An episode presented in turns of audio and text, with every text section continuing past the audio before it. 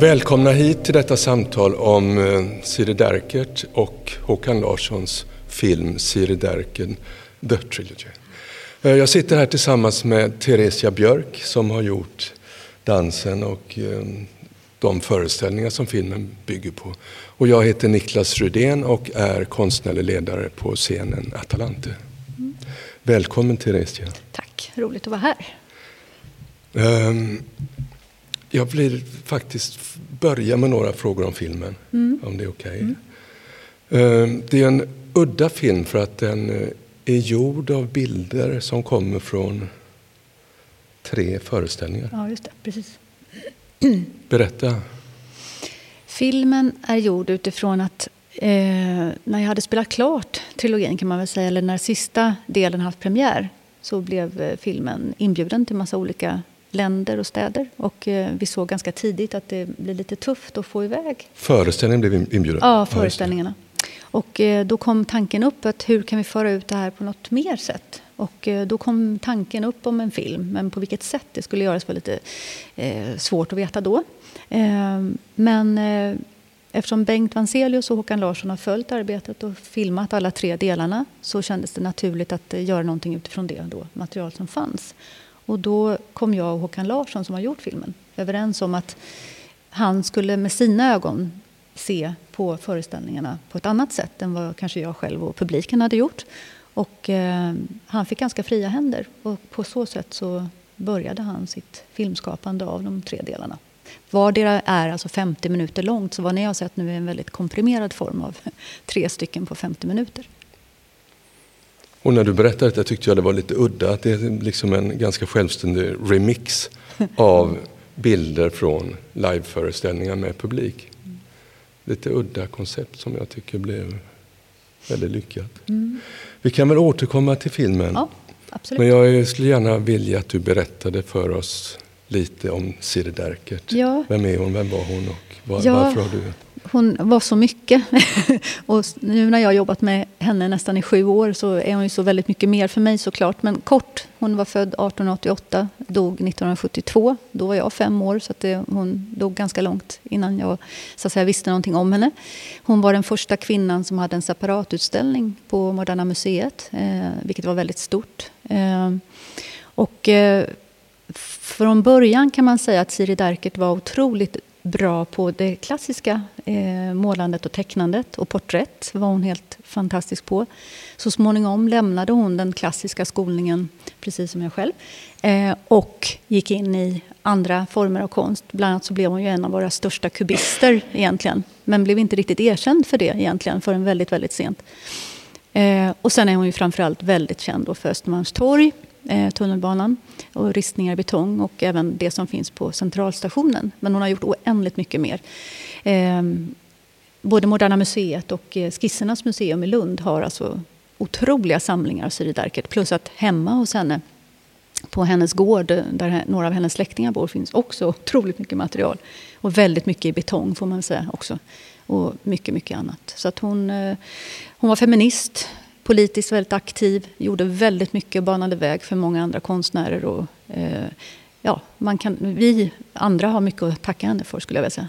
Så hon fick ett genomslag för det hon höll på med? Väldigt sent, men ja, man kan säga att det kom ungefär ja, i hennes, eh, när hon var ungefär 60 år. Mm. Så hon hade jobbat väldigt, väldigt länge innan hon fick något genomslag. Innan dess var hon väldigt ifrågasatt faktiskt. Mm. Eh, genom min research på Kungliga biblioteket så har jag sett alla möjliga klipp och radiointervjuer. Och det är alltid män som intervjuar henne och de är alltid väldigt så här, ja, men är verkligen det här konst? Och så får hon hävda sig hela tiden, ja det är konst. Och så håller de på så här och gnabbas faktiskt om vad hon gjorde. Men hon mm. står på sig.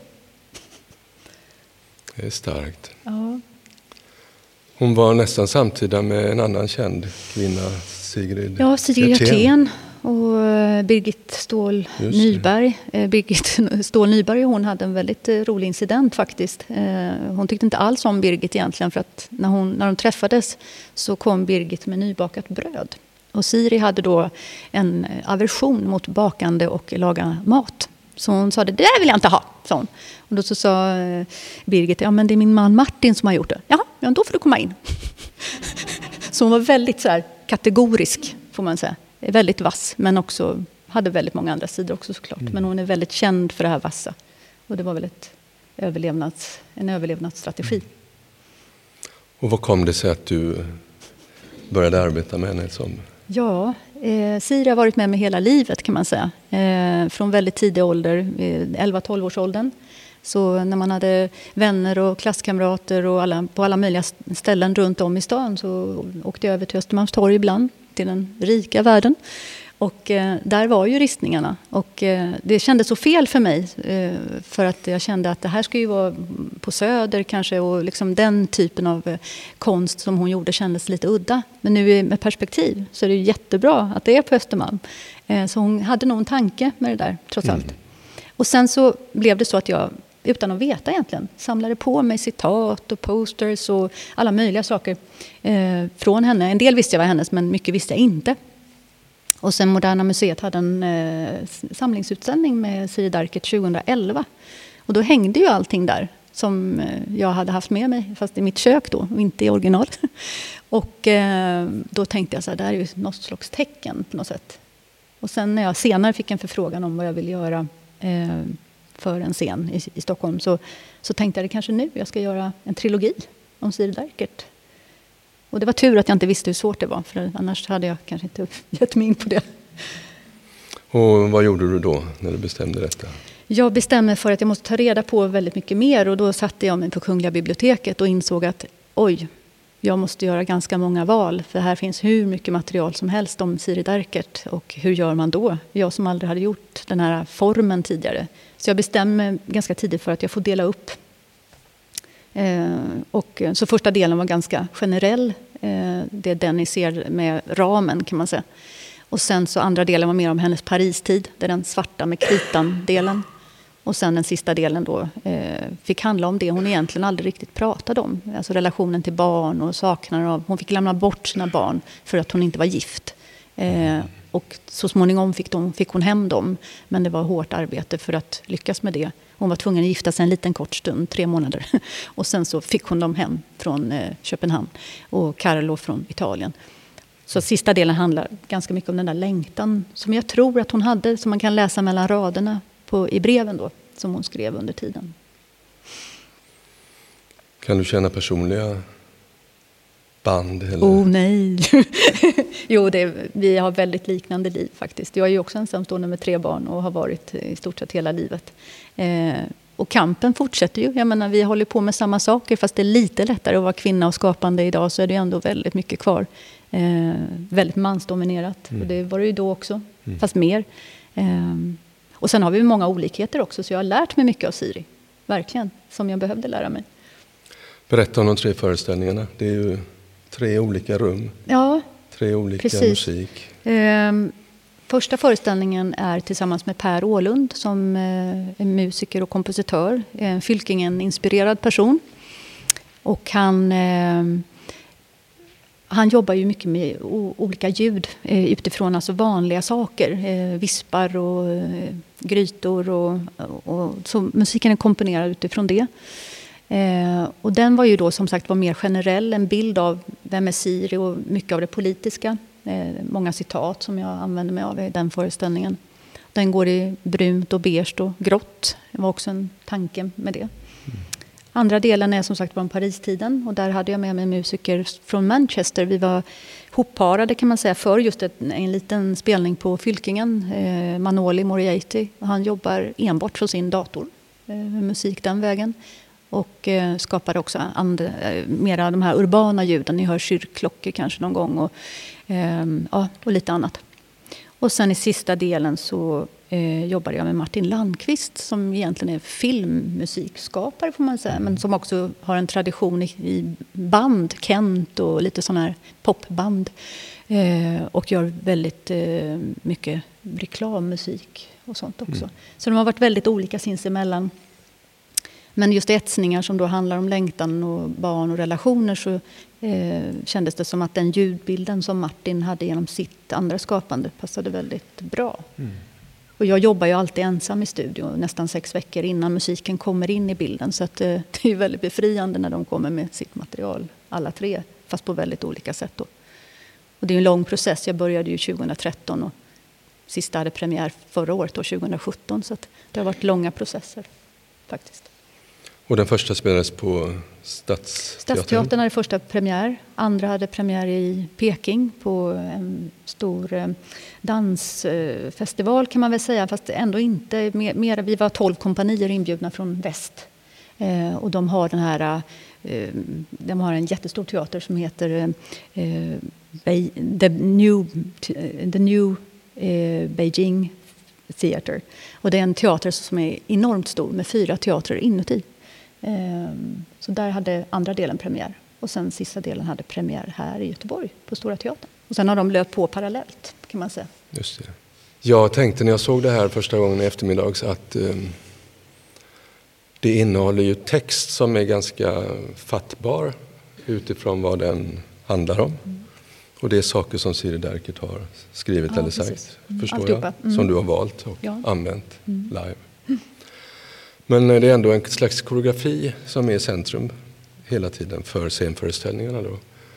Och den är ju överlag, tycker jag, inte beskrivande, gestaltande i någon teatral mening utan den innehåller mer olika rörelser. Mm.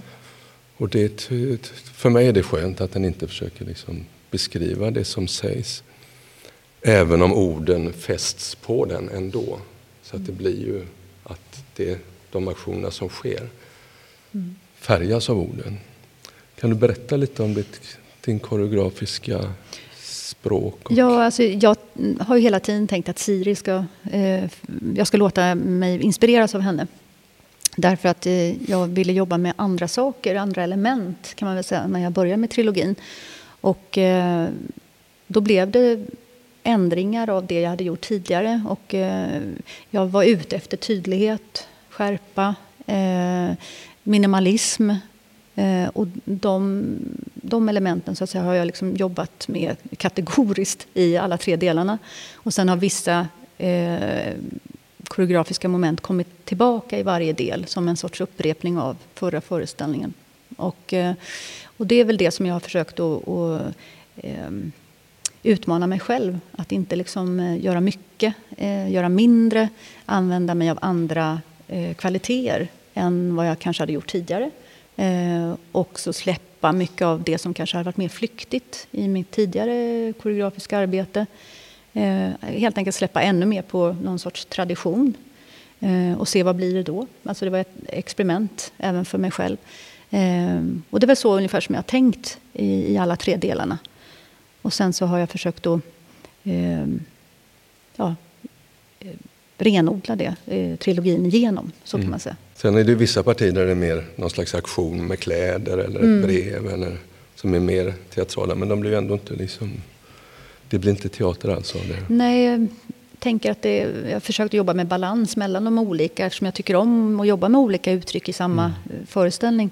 Eh, och sen in, men att, att, alla delar har lika stort värde. Eh, precis som musiken har precis lika stort värde som det jag gör. Det har jag alltid varit väldigt noga med. Eh, och så har det varit i alla tre föreställningarna också. Det är aldrig någon sån background music som bara ligger på utan tanken är att eh, musikern, kompositören har haft lika stor roll egentligen som jag även om han kanske inte syns hela tiden. Och all musiken är spelad live? Ja, ja. precis. Och en del har de ju också haft som alltså förinspelat men som ja. spelas live i föreställningen. Mm, mm. Ja. Jag tycker det blev, för mig som har på en del med film så blev jag sugen på att remixa gamla dans föreställningar för det blev väldigt roligt. Vad roligt. Ja. Och att just um, den har både en slags lätthet i det att det är ganska normala bilder mm. på en människa som gör olika saker. Men samtidigt sker det små förhöjningar ja. regelbundet med dubbleringar och små spattiga grejer. Ja. Och, jag jobbar ju mycket sådär. med förskjutningar. Ja, så att precis. om man ser föreställningarna så får man en känsla av att ja, men vi, har ju sett, vi har ju sett det här men nej vänta. För att jag försöker att jobba med förskjutningar så att det liksom blir ja, det blir tredimensionellt på något mm, sätt. Mm. Eh, och det kommer inte riktigt fram i en sån här film men, men det, det, är det jag tycker är väldigt spännande mm. och som jag tycker är roligt att utforska. Eh, och också se hur långt kan jag gå. Eh, till exempel början i, av etsningar, den är 16 minuter. Och det är ju successiv förskjutning så att säga, mm. av rörelser. Eh, och de flesta förstår inte att det är 16 minuter. En del mm. kanske tror att det är 4-5 minuter. Men för mig som gör det så är det en evighet. Mm. Så att jag har ju verkligen utsatt mig för saker som jag eh, kanske inte skulle ha gjort eh, tidigare. Och det har varit väldigt spännande att se vad gör man med de här förskjutningarna. Och hur, hur länge kan jag upprepa utan att det faktiskt blir så här, oh, liksom, nu har vi sett det här. Mm. Eh, går det eller går det inte? Liksom. Och det tycker jag har varit väldigt roligt och spännande. Mm. Ett helt annat spår till sist. Så, um, av olika skäl så har du um, lyckats genomföra de här uh, projekten med en lite annorlunda finansiering. Ja. Det finns ju en modell i Sverige där man kan söka projektstöd från Kulturrådet, från sin region, från sin stad och så i bästa fall får man det och kan anställa dansare några månader och sig själv mm. några månader. Mm. Du har arbetat på andra sätt av olika skäl. Ja, eh, Konstnärsnämnden har ju varit väldigt generösa genom åren och det är jag väldigt tacksam för. Men det är ju egentligen inga produktionspengar. Eh, min räddning har varit att så många har köpt in föreställningarna eh, och att vi som har varit med och medverkat eh, har kunnat eh, fortsätta jobba genom det. Och att vi har haft väldigt stor publik har ju också varit såklart jätteviktigt i sammanhanget. Och utan det så hade jag ju såklart inte kunnat genomföra mm, det här. Men många kan ju drömma om att spela massa föreställningar för stor publik på Moderna Museet eller mm. sälja det här projektet i sin helhet, alla tre föreställningar till Uppsala mm. stadsteater? Eller? Uppsala kulturenhet. kulturenhet. Mm. Hur, eh, vad gör du för att lyckas med detta? I de här fallen med trilogin så har det faktiskt varit helt och hållet deras, eh, eh på deras eh, initiativ. Mm. Eh, och jag har varit väldigt glad för det. Jag har varit ganska otippat vissa delar för att jag har eh, inte vetat om att de vet vad jag mm, gör. Mm, mm. eh, nu fick ju trilogin på det stora hela bara väldigt fina recensioner. Och det har ju såklart hjälpt upp det hela. Ehm, och därför har många vetat om utan att jag vet. Och det har ju varit fantastiskt roligt att det når ut. För det, det vet man ju faktiskt inte. Nej. Det finns ju det är så mycket information mm. i dagens samhälle. Ehm, så på den vägen är det faktiskt. Så jag tycker att ehm, den delen har varit väldigt eh, fin. jag känner inte att jag har behövt jaga så. Sen är det ju vissa saker man måste jaga ändå som du mm. vet. Eh, men just den delen har varit väldigt mycket efter ja, efterfrågan helt enkelt. Men du har ju spelat också internationellt. Ja, Ganska precis. mycket. Ja. Det har varit väldigt roligt också. Det har också varit, eh, det har varit en del kulturråd utomlands som har följt mitt mm. arbete under lång tid som jag inte heller har vetat om och som har bjudit in. Eh, jättespännande eh, att, att det finns där också fast jag kanske inte själv har varit medveten om det. Mm. Så det är ju en ynnest och eh, en ära framförallt. Så det har varit jättespännande roligt också att möta en annan publik. Allt är ju på svenska och det mm. fungerar till och med i Peking. Så att, ja, det var... Hade ni textning då? Eller? Nej. Nej. Nej. Men det fungerar väldigt mm. bra. De tyckte det var väldigt spännande. Det var väldigt roligt. För, för dem är fortfarande Pina Bausch och Anna-Teresa de Kirchmacher modernt. Liksom. Så det, det, var ju såklart något helt annat. Så de, ja, de var väldigt inspirerade. Kul. Mm. Sen har eh, en kollega till dig skrivit en bok. Ja, precis. Hon eh, heter Charlotta P Einarsson och är numera litteratur och språkvetare. Mm. Eh, var dansare en gång i tiden och jobbade i de första projekten jag gjorde. Då var det mest utomhusföreställningar. Och hon har följt mitt arbete sedan dess kan man säga, även när hon slutade dansa. Mm. Och sen så blev hon, följde hon trilogin specifikt. Men boken är både om trilogin och om hur jag arbetat och har arbetat. Hon har gjort en liten resumé om hur hon tycker att det är och vad hon ser och hennes upplevelser av det jag gör. Mm. Så det är en sorts sammanställning kan man säga som jag tycker hon har gjort väldigt fint och det är väldigt roligt att den finns. Så jag är väldigt tacksam för Charlottas arbete. Och den finns i foajén sen om ni vill ja, köpa precis. ett ex. Mm. Uh, Ja.